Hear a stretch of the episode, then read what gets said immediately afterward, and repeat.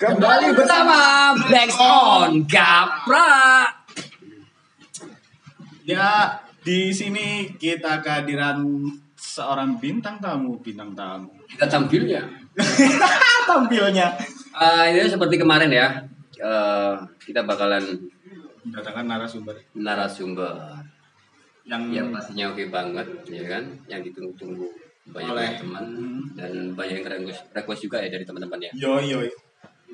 Langsung aja Iya mas, perkenalin. kemarin Oh iya langsung perkenalan dulu ya nggak apa-apa. nggak dikenalin Oh ya. dikenalin diri aja ya Ada ya? Iya ya. Jadi kemarin kan ini. Kita kan kemarin udah bincang-bincang ini bu soal apa eh, pembatasan pergerakan di era pandemi ini tuh di sektor apa aja dan salah satunya jalur pendidikan. Nah di sini kita tuh penasaran apa aja keluhan-keluhan yang ada di era pandemi ini terkait di sektor pendidikan seperti misal guru atau sistem pengajarannya atau gimana ya itu kita langsung bisa datangkan narasumber seorang pengajar. Silakan monggo diperkenalkan diri. Enggak, IPD. jadi eh, kenalin aku Rika. Sekarang aktivitasnya ngajar di Hmm. salah satu sekolah di Surabaya. Gitu. Ngajar mas. Ngajar. jadi Bu Rika ini seorang pengajar atau guru ya? Guru. Atau guru. guru di eh, sekolah di Surabaya gitu Sekolah dasar bu ya, tepatnya. Sekolah dasar. Ya.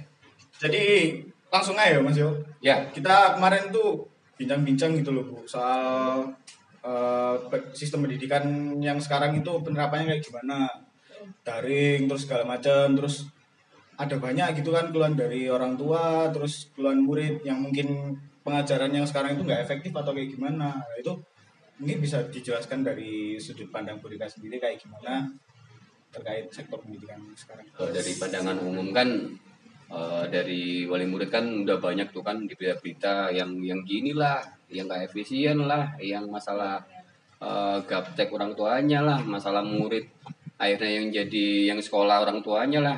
Nah itu bisa kemarin kita eh, ini pandangan dari mereka sih. Hmm. Eh, makanya saya benturin gimana sih kalau eh, kita benturin eh, dari sudut pandang seorang guru itu gimana sih eh, nanggepin yang kayak gini-gini gitu permasalahan pendidikan di era pandemi ini sih monggo Rika jadi gini ya kalau bahas masalah pendidikan itu udah eh, banyak banget ya crowded banget lah pokoknya Hmm. masalah-masalah pendidikan sebelum covid juga sebelum covid itu juga nggak dipungkiri banyak banyak permasalahan gitu kan jadi ini aku tarik ke belakang dulu ya Iya silakan. Gak apa-apa. Kita senang kok dengerin ibu cerita. belakangan Iya mas ya.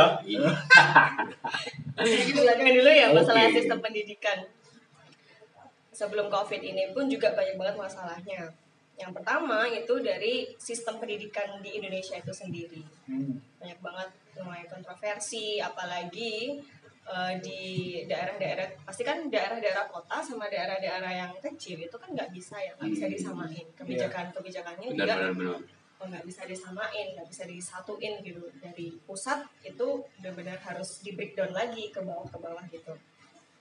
Yang utamanya masalah sistem pendidikan yang gonta-ganti Hmm.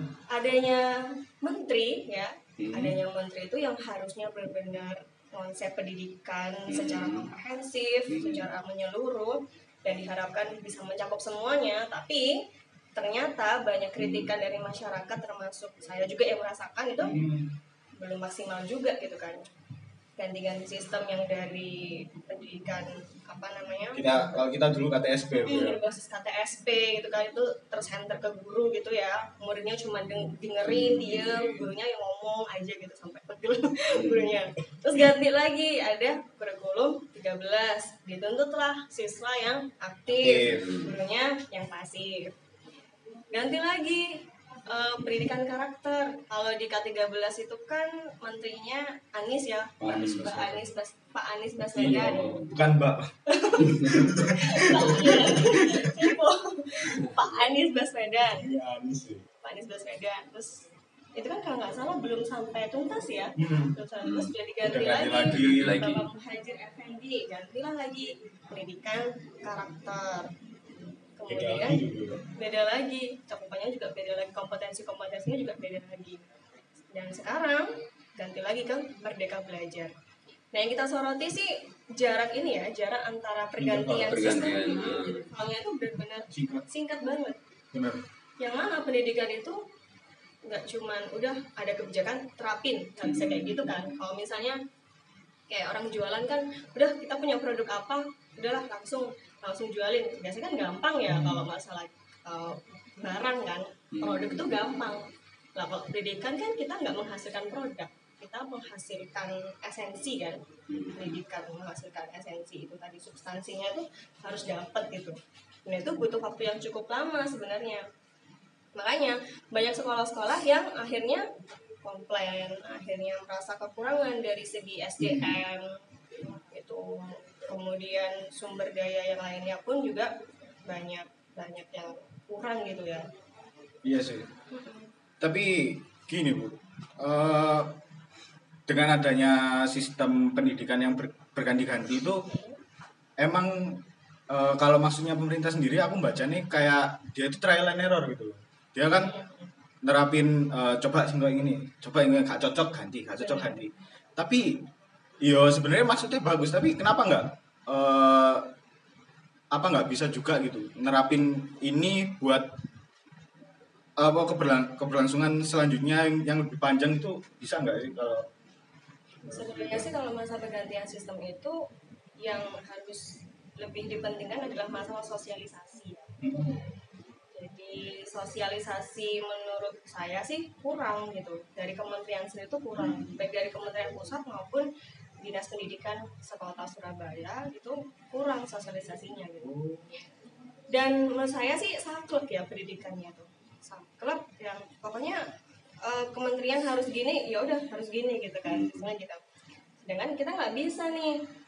Oh di sekolah ini kondisinya kayak gini kebutuhannya kayak gini. Contoh kalau di era sekarang kan udah mulai kayak online apa namanya ujian kan udah berbasis CBT ya? CBT Mm-mm, itu Saya itu aja cuma kerjanya masalah teknologi ujiannya CBT tapi ada juga nih uh, di sekolah yang kurang akan teknologi itu.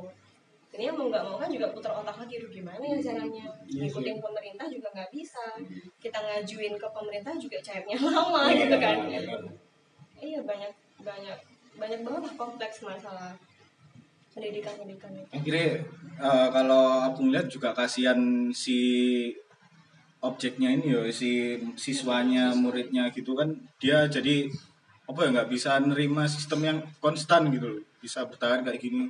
Eh, jadi harus ada pakai sistem kayak gini kamu harus gini. Terus eh, kalau lihat dari segi objeknya siswanya itu ya di kan kalau entitasnya dari pendidikan sendiri kan nggak cuman siswa tok ya ada guru juga lah itu kalau pandangan dari tenaga pengajar sendiri kayak gimana ter- terkait apa sistem yang berubah-ubah itu kan dengar-dengar juga eh, merdeka belajar ini kayak apa ya banyak yang ini loh bu ber, berkeluh kesah gitu dengan sistemnya gitu guru-gurunya juga gitu.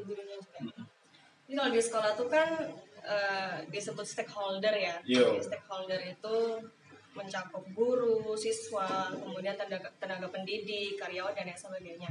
Mau nggak mau semuanya juga diubah kebijakannya dari kepala sekolah, gurunya juga eh, juga apa namanya diubah gitu kan.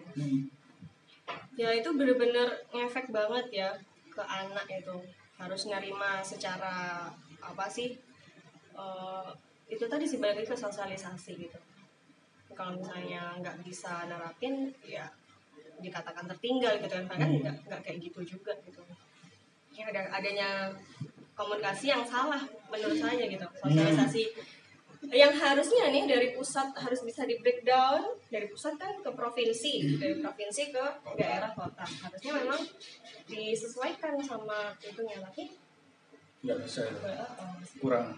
Oh, jadi kayak gitu. yang ke akar rumput lah ya kalau misalnya grassroots iya terus Eh, Oke, Mas Ain mungkin bisa ditanyain apa daring-daring lo Mas. Tonggo sampean lah jare ono sing Iya komplain ngono-ngono ya. masalah Eh, ada nggak sih eh, wali murid yang langsung komplain nggak atau datang ke ibu atau ke sekolah atau mau nelpon? Bu ini gimana sih kayak gini gini gini masalah ketidak efisienan daring ini kan ya. Banyak keluh kesah lah masalah kuota masalah internetnya yang putus-putus atau mungkin masalah ekonomi ekonomi keluarga juga. Wah itu sih Oh kan, kayak gitu dari ibunya yang belajar akhirnya bukan anaknya yang kayak gitu kan. iya sih Masalah ini kok bayar penuh sih sedangkan sekolahnya kayak gini gitu kan. Banyak sih komplain-komplain yang datang ke ibu itu dan eh, itu gimana dari pihak sekolah cara menanganinya gitu untuk memberi pengertian ke wali murid. Gitu. Jadi masalah daring itu banyak banget permasalahannya. Kalau kita kan ada sekolah swasta, ada sekolah negeri ya. Hmm. Kalau negeri sih mungkin agak lebih tenang, agak lebih slow karena eh, kayak ditanggung pemerintah gitu. Hmm. Yang lebih ekstra lagi kerjanya ngaturnya itu di sekolah swasta. Nggak cuma nggak cuma di sekolahku aja sih, Hmm, tapi swasta berarti ya Heeh, sekolah swasta nggak cuma di sekolah aja. Tapi juga sekolah lain pun keluhannya juga sama. Kadang pernah sharing kan sama beberapa guru ya nih bu kayak gini kayak gini nih pak gitu. Banyak banget mulai dari komplain-komplain wali murid ya yang bilang kalau itu tadi salah satunya. Bayarnya penuh tapi Hmm. sekolahnya cuma separuh atau Iya. nggak mungkin nggak sampai separuh mungkin Iya. seperempat, seperempat ya. Hmm. kalau biasanya jam 7 sampai jam 3 kalau full day sekarang cuma jam 7 sampai jam 10 aja gitu. Iya. Bahkan benar-benar gini ya? Timbang banget gitu. makanya pemikirannya wali murid itu sampai ke arah situ. Tapi eh, kalau kita nilai kita nggak nggak menyudutkan ya antara pemerintah ataupun yang lainnya sebenarnya baik sih. Maksudnya dari pemerintah itu baik. Kenapa? Harus dimampatkan jamnya karena itu tadi eh, paham banget kan kalau pembelajaran itu nggak nggak akan efektif. Yes. Nggak akan efektif. Dari jam 7 sampai jam 3 itu nggak akan efektif apalagi anak-anak kan dihadapin sama covid itu udah stres banget ya. oh ya Allah sabar ibu anak-anak udah stres kayak aduh mah mau keluar juga nggak bisa mau main nggak baru bisa. ketemuan itu juga aduh sulit. Mau deketan itu harus berjarak. Aduh susah deh pokoknya. Ini ngomongnya apa acaranya ya kan ada physical distancing iya ya? lisensi distancing gitu. kalau gitu kena dendam. Iya jadi gitu bu. Eh, apa tadi aku mau tanya apa lagi? Terus juga ada lagi yang bilang kalau apa namanya sekolahnya kalau misalnya gurunya ngasih sekolah lewat WA pembelajaran Zoom ya udah kita ber SPP lewat Zoom aja gitu. Baiknya difotoin dikirimkan ke gurunya gitu kan. Wah itu bayar. pinter juga ya Hollywood sekarang. Kayak ini kan kalau misalnya kita dapat undangan nikahan kan lewat online tuh. Ah. kadang kan guyonannya anak-anak kan jokesnya kan nih aku udah. Udah upload. Iya iya iya. Ngomongin uploadnya gitu boleh. Kode nomornya aja ya? jokesnya ya ya bener-bener kayak gitu lah dan bagi pendidik sih itu bener-bener mak jelek banget. Gitu iya sih. Begini gitu ya aduh. Terus ini bu. Eh misal kita pengen tahu sih kebijakan sekolah itu kayak gimana sih menghadapi. Misal yang kayak eh apa ada yang berkeluhan yo berat berat bayari terus bareng itu yo apa sih sekolah ini menghadapi iya mungkin Keadaannya ada seperti orang itu. kena PHK juga ya apakah kan? emang bisa dibuat banding atau kayak gimana gitu jadi begini dari dari kebijakan sekolah pun juga nggak mentah-mentah ya. Nah, nerima terus juga nggak langsung ACC juga enggak kita juga punya strategi yang lain juga. Salah satunya ketika ada komplain masalah SPP masalah biaya sekolah khususnya sekolah swasta itu kita nggak langsung ya misalnya kayak di telepon ataupun ataupun nyamperin gitu ke website yang nggak langsung di ACC tapi didekati dulu eh, kondisi keluarganya seperti apa. Ditanyain pokoknya kita pendekatannya emosional aja lah ya. Iya. lebih baik emosional kita. Ditanyain eh, ibu keluhannya seperti apa? Apakah benar-benar terdampak berapa persen gitu ya? Jadi ada yang kan kita ada ya terdampak yang sekian persen ada yang benar-benar terdampak. Itu ya kita lihat perbandingannya itu seperti apa. Kalau memang benar dia sampai di PHK nah itu bisa diturunkan ya. Hmm. oh gitu. Dengan cara yang mungkin eh, bukti-bukti surat PHK-nya atau surat keterangan tidak mampu dan lain sebagainya. berarti istilahnya masih bisa ditolerir ya kayak bisa gitu, gitu ya. Eh, terus gini bu, keluhan dari siswa juga ini yo, itu kan dari orang tua, terus ada siswa juga kayak aku ngelihat itu beda gitu, daring sama tatap muka langsung gitu kayak kurang ngena gitu, kurang ada ikatan emosional atau mungkin psikisnya juga itu kayak menerima beda gitu enggak sih? Gimana kalau menurut Bu Rika? Ya kalau sama ini pengalaman kan apa ngajarnya lewat zoom ya Hmm. itu ya wis nggak enak banget ya kita kayak video call bandingnya video call sama ketemu ngobrol gini kan beda ya Iya, rasanya kita bisa melihat uh, Tapi beda kan kalau video call sama pacar. Enggak, lanjut lanjut. Ya. oh, alhamdulillah. Oke. Oke lanjut ya Lanjut. Lanjut. aduh sampai mana tadi Ya. lupa nih Ya, video call, video call. Ya, dengan beda cara- antara video call sama Sama pacar. Oh, enggak enggak ya. Terus. Aduh. nggak usah usah Sorry, sorry, sorry, sorry. Ya, video call sama belajar terus langsung tatap muka kan beda ya Feelnya. feelnya beda kemudian mimik wajahnya gesturnya udah beda Eh, kalau misalnya di zoom kan bisa aja dia pura-pura memahami pura-pura iya iya tapi sebenarnya dia nggak paham sama sekali gitu Hmm. beda kalau misalnya kita tatap muka langsung dia udah pegang tahu gitu. dia ngapain aja Kita lihat mimik wajahnya apa mimik mau apa, wajahnya, ya kan? terus pemahamannya dia kayak gimana terus kalau di kelas kan enak ya tinggal langsung tunjuk Iya. apa jawabannya gitu kalau di zoom kan belum lagi buffering gitu kan belum lagi kuotanya habis dan lain sebagainya kadang ada Iya. yang tiba-tiba gitu bu mohon maaf ya kuota saya habis gitu belum sampai selesai udah udah pamit duluan gitu Banyak yang gitu, Bu ya. banyak apalagi sebelum Kasian. adanya bantuan kuota itu banyak banget kalau sekarang kan udah Tapi sekarang udah ada ya dari sekolahan bantu kuota gitu atau dari bukan dari sekolah dari dari pusat ya? dari pusat jadi Iya, kita harus gitu dong. kirim kirim Pusat. nomor kita daftarkan ke Dapodik kemudian di ACC tapi nggak langsung semuanya cair gitu sih. Jadi bertahap jadi masing-masing provider itu beda beda beda waktunya. Misalnya kayak provider apa ya nyebutnya merah gitu ya. Nah kuning gitu kan hijau kuning hijau merah. Itu beda nggak langsung serempak gitu. Enggak jadi kadang ada wali murid yang saya udah dapat ini eh, 54 giga gitu. Yang lainnya kok saya belum dapat ya? gitu jadi yang sini udah bisa ikut zoom yang sini belum bisa gitu Wah lah, berarti apa ya? Sangat tidak efektif ya bu ya. efektif sama sekali Mas Ai, tanya Mas Ai. Eh, jadi eh, buat teman-teman ini udah apa ya udah kita bahas ya tadi kan dari pandangan itu sekarang ibu Bu Rika ini udah jelasin gimana gimana eh, cara guru berusaha banget gitu jadi eh, seperti ya aku harap teman-teman yang dengerin ini sih eh, jangan apa ya ya oke lah. Memang susah gitu jadi wali murid atau mungkin teman-teman yang punya uh, kakak punya anak kecil atau mungkin kalian yang punya adik kecil ya intinya di sini uh, udah ada seorang guru yang berusaha untuk ngejelasin uh, intinya sih guru ini lagi berusaha gimana caranya untuk uh, saling itu bu ya saling apa ya namanya Oh, belajar cara belajar ya. Jadi nggak nggak langsung ngurusin, ah gini gini sekolahan gini gini gini gini. Eh, ya ketahui juga bahwa guru di sini Berjuang. berjuang untuk murid-muridnya gimana cara muridnya agar kembali sekolah lagi atau kalau misalnya belum gimana caranya sekolah daring itu yang benar-benar efektif? Menciptakan kondisi menciptakan, nyaman Mas, jadi gitu ya. intinya sih lagi berusaha lah. Gitu sih.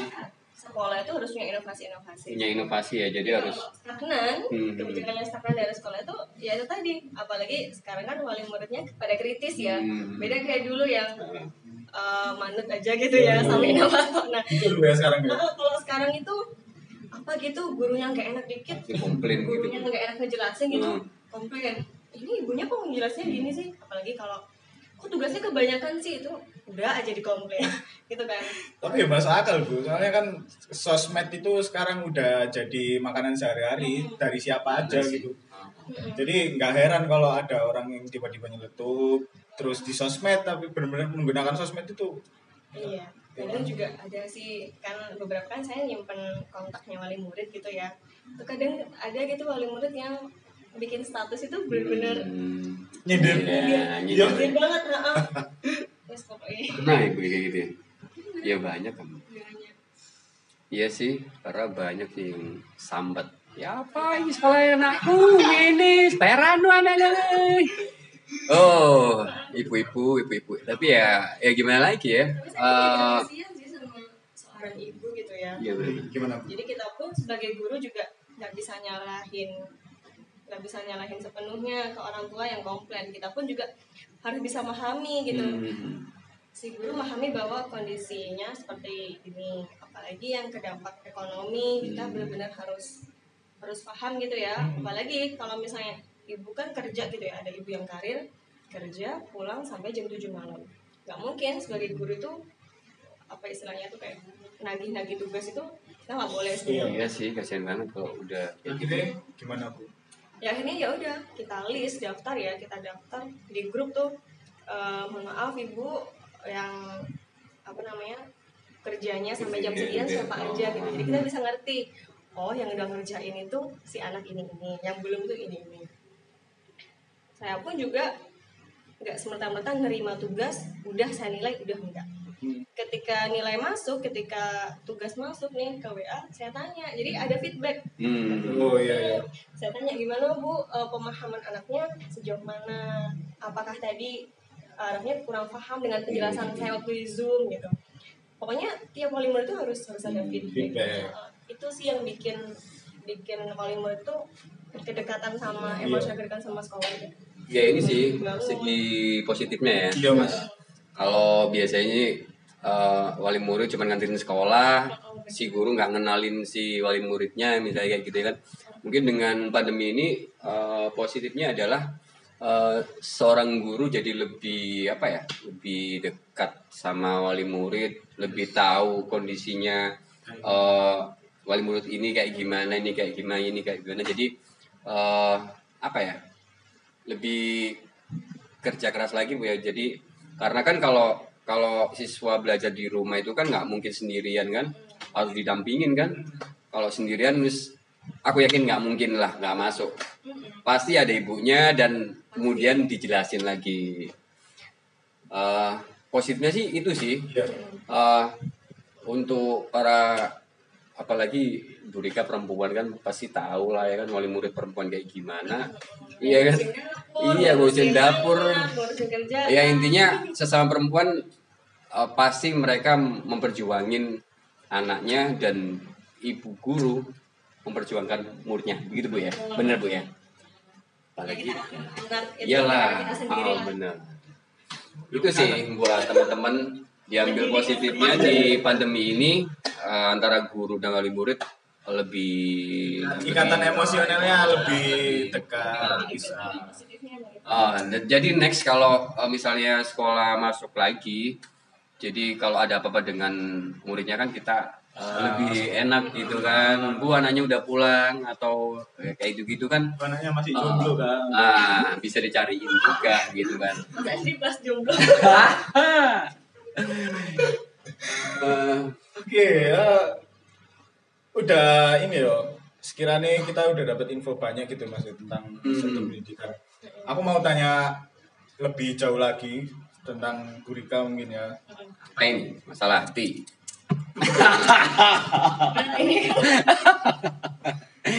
Jadi gini, aku mau nanya. Apa? Jadi apa ini? Bisa diceritain gak sih eh, apa emang dari dulu itu Burika pengen jadi seorang pengajar atau guru gitu? Cita-citanya dari itu atau gimana? Jadi kalau masalah cita-cita tuh kadang ketawa sendiri ya, ngelihat aku sendiri tuh. Eh, dari kecil tuh kadang berubah-berubah cita-citanya. Yang dulu waktu TK, eh, SD gitu pengen banget jadi pembawa berita. Woi. Apalagi kalau dulu kan ada stasiun lokal gitu ya, itu kayak aku tuh ngeliat di, di, di TV tuh kayak kok enak banget ya mbak ini ngomongnya gitu. Hmm. Itu pengen pengen jadi kayak gitu Iya. gitu. Terus SMP, SMA berubah lagi berubah lagi pengen jadi eh, apa namanya tenaga kesehatan oh iya dokter bisa lebih ke bidan sama Bidan. perawat sih perawat gitu.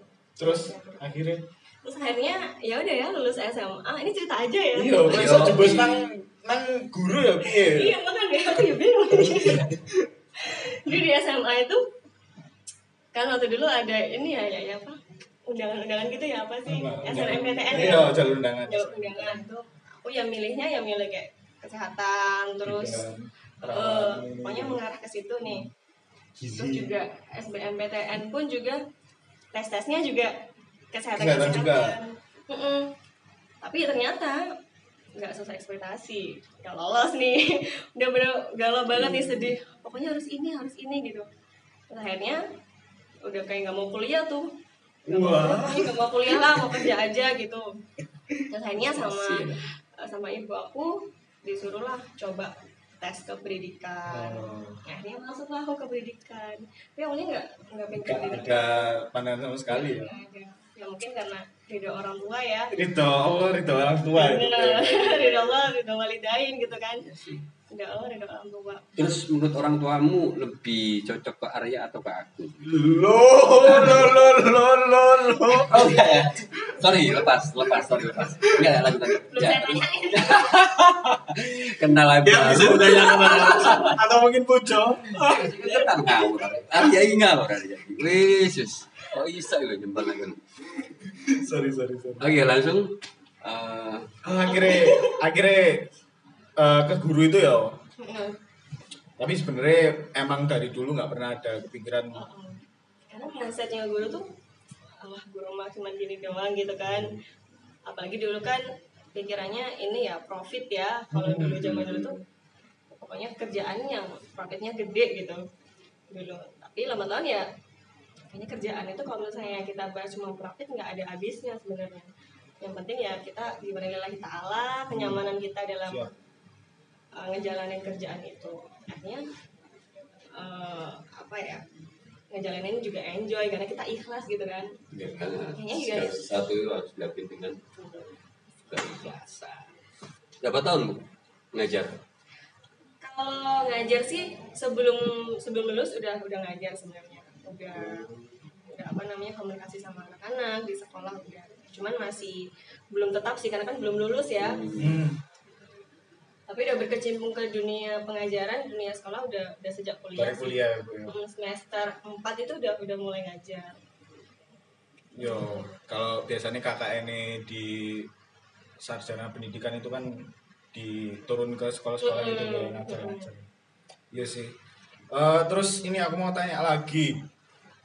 Pencapaian-pencapaian apa yang udah didapat Bu Rika? Misal eh, mungkin dari cara public speaking yang sangat-sangat memukau itu dapat dari organisasi atau gimana? Terus pencapaian apa lagi gitu selain selain itu? Yang di mana Bu Rika ini sebagai guru opo sing iso dibanggakan nggak ada kayaknya. Lho lho lho iku suatu nggak ada. Kebanggaan maksudnya kayak prestasi yang Iya, iya. produk-produk itu kayaknya nggak ada sih kalau saya sih. Tapi emang eh, waktu kuliah ya aktif juga di organisasi. Oh iya. Waktu di organisasi itu ya secara nggak langsung melatih kita buat public speaking ya. Yes benar. Sosialisasi sama orang ya. Kehidupan bersosial itu jadi terbangun. Kemudian eh, emosional kita juga lebih lebih ada gitu kan. Karena organisasi itu bersinggungan langsung dengan masyarakat. Benar jadi mungkin dari organisasi sih di kayak cerewet kayak gini iya cerewet Cerewet sangat. gini. Tapi nggak sulit ya jadi guru ya? Sulit nggak sih?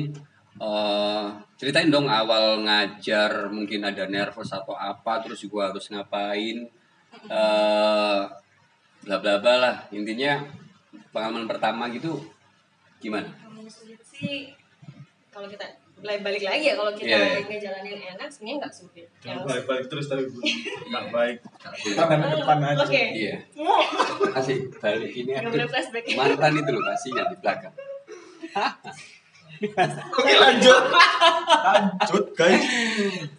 Gimana gimana pengalamannya? pengalamannya yang pertama emang Jadi gitu. nervous ya. Nervous banget ya? Ketemu sama beda ya ngomong sama di depan kaca sendiri Ah. sama ngomong sama orang banyak tuh beda banget. Awalnya nervous terus bingung nih mau ngomong apa ya terus pemilihan diksinya harus ketata kan hmm, kalau pendidikan harus uh, benar kalau misalnya aku ngomong gini takutnya gini. Oh. itu ada ada pikiran-pikiran yang enggak ah gitu. Jadi agak kayak insecure agak minder dan lain sebagainya itu pasti ada. Tapi karena udah sebenarnya masalah jam terbang aja sih. Jam terbang. Mm-mm. kalau Wah, udah bisa karena lama biasa. udah lama kita kita juga gak, gak boleh menutup diri juga sebenarnya. Kita harus tanya tanya sama guru yang lain pengalaman kemudian kayak gimana sih ngadepin murid gitu. Sharing-sharing antar guru. Sharing-sharing sama guru-guru yang lain itu juga dibutuhkan. Dan makin lama udah enak gitu. Jadi dulu sebelum ngajar sempat di kamar belajar di kaca gitu Iya, kan ya? benar. Sempat kayak gitu ya? Gitu. Pas ngapain ya? Oh, oh gini, gini, gini, gitu.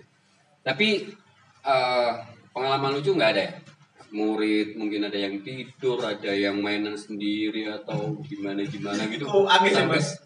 itu kalau itu. Itu. Ada sih ada. Iya. apalagi SD itu bos benar-benar iya sih dikasih tahu. kecil ya.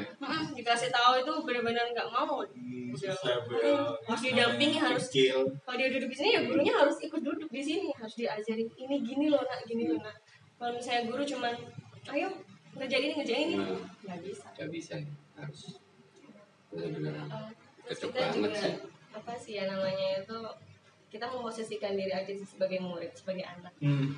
jadi kita nggak bisa memposisikan diri kita sebagai orang dewasa sebenarnya kalau kita udah terjun di anak terjun di eh, apa namanya sekolah itu ya kita harus mendalami karakter anak siap karakter anak yang bandel itu pasti Bandel, wajar. pasti lagi berkembang soalnya kan dia pengen tahu apa segalanya lah pengen diterima kan gede dia. Cocok banget ya. Apa nih? Duh. madrasahnya anak-anak. Jadi kalau anak gak bandel tuh malah harus Oh, tanya tanya. Iya iya iya benar benar Tapi benar kok bandel ya ada apa gitu. Jadi kalau anak bandel tuh udah wajar banget. Yang penting kita bisa jadi bisa anu nyikapin ya lebih tahu psikolog anak ini lagi oh ini tadi ini gitu. Kita udah ngerti jadi lebih psikologisnya Oh, anak iya. itu kita harus paham. Anak dengan karakter yang murung anak dengan karakter yang pendiam gitu Hmm. kita beda-beda. Memperlakukannya itu beda. Iya sih nggak bisa disamaratakan. nggak bisa disamain bener. Kayak gitu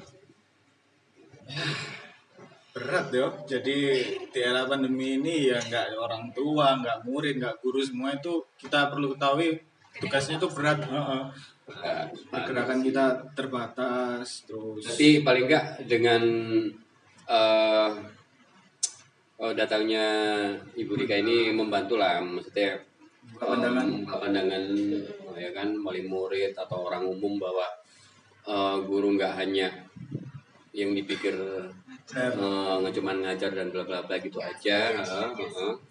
jadi eh, intinya di sini eh, wali murid dan guru apa ya intinya sama-sama saling berjuang untuk muridnya itu sendiri gitu ya.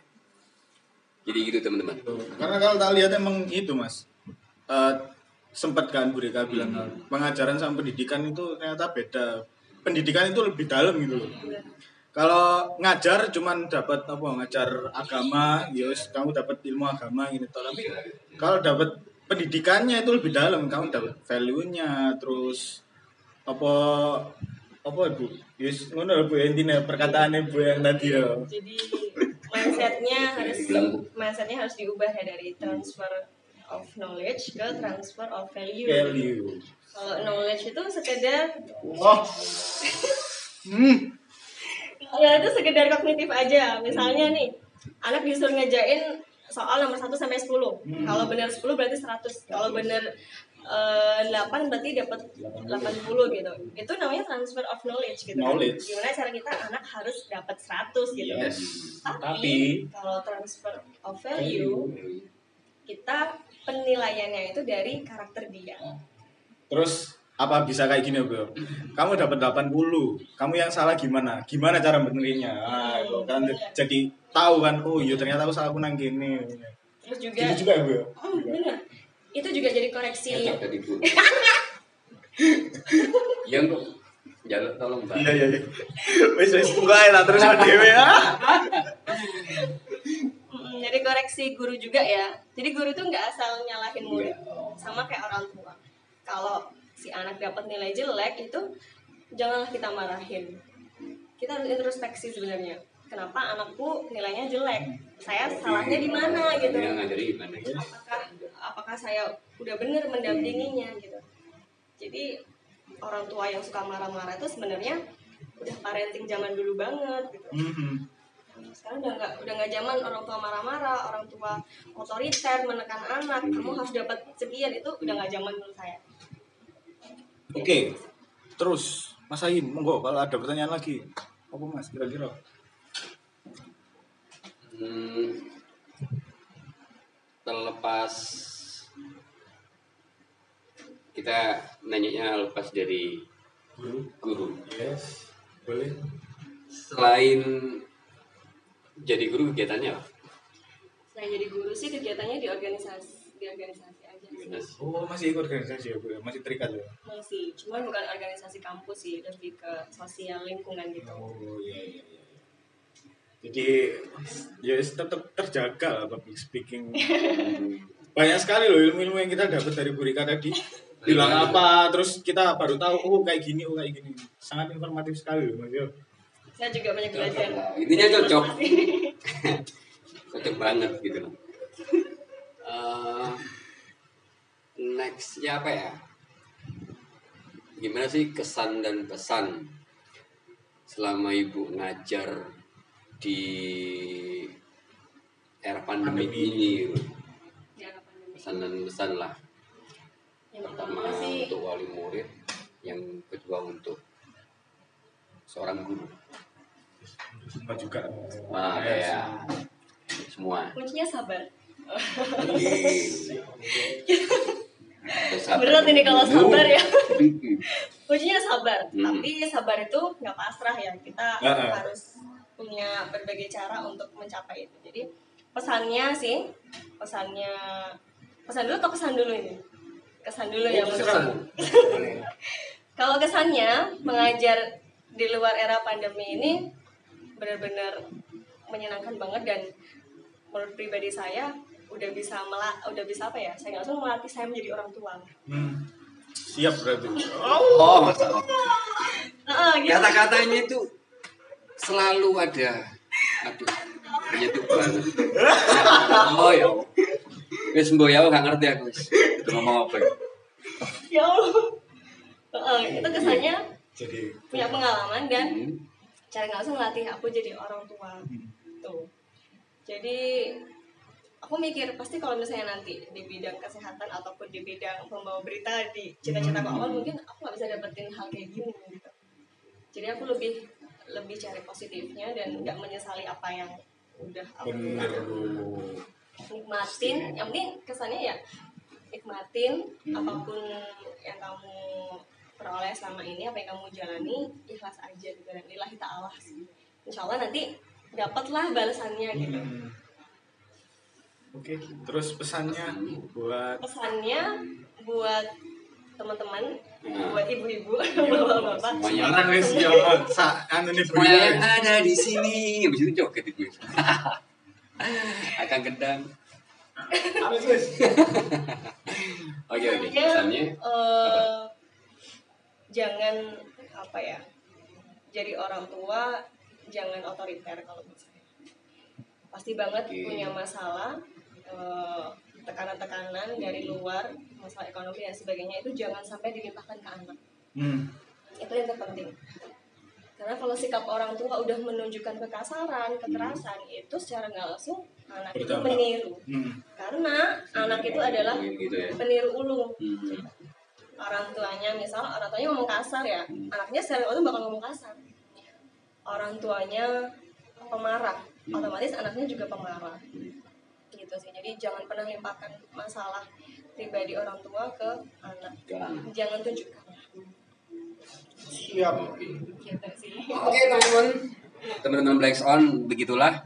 Jadi ulasan kita soal pendidikan di era Pak Gemblung. Wah ya Pak Gemblung. agak belum pandemik intinya ya semoga bermanfaat Eh, jadi kalau bisa di share sama teman-teman karena di sini Ibu Rika tadi waduh keren banget super super banget jadi guru. Terus- pinginnya jadi guru anakku juga nanti. Cuman ya entahlah. Iya maksudku anakku sekolah di Terus jangan lupa buat teman-teman semua pendengar Blanks On Podcast dan juga nanti ak- bakal ada muncul di YouTube. Jangan lupa follow IG-nya Blanks On Podcast. Blanks On Podcast Thanks di on Instagram. podcast di Instagram ya Kalau YouTube-nya jangan lupa tongkrongin di channel Batas Barat. ya kalau kita satu channel dengan batas barat Barat. langsung Ya. ke poin nanti ya Terima kasih. Oke, terima kasih Bu Rika terima kasih banyak ya Sudah meluangkan waktunya memberikan ilmu yang sangat bermanfaat bagi kita semua. Sama sama belajar sampai juga gitu. Katanya itu uh, setiap tes tes itu pasti kena masya allah Sukses terus buat Bu Rika dan semua tenaga ya, pengajar dan terus. semua orang tua dan siswa tetap survive di era pandemi ini. semoga pandemi ini cepat cepat selesai ya kan agar Amin. murid bisa masuk sekolah lagi Eh, Oke, kita Oke. tutup di tutup Black On. Tetap di Black On pod, podcast Black On channel Batas Barat. Gaprak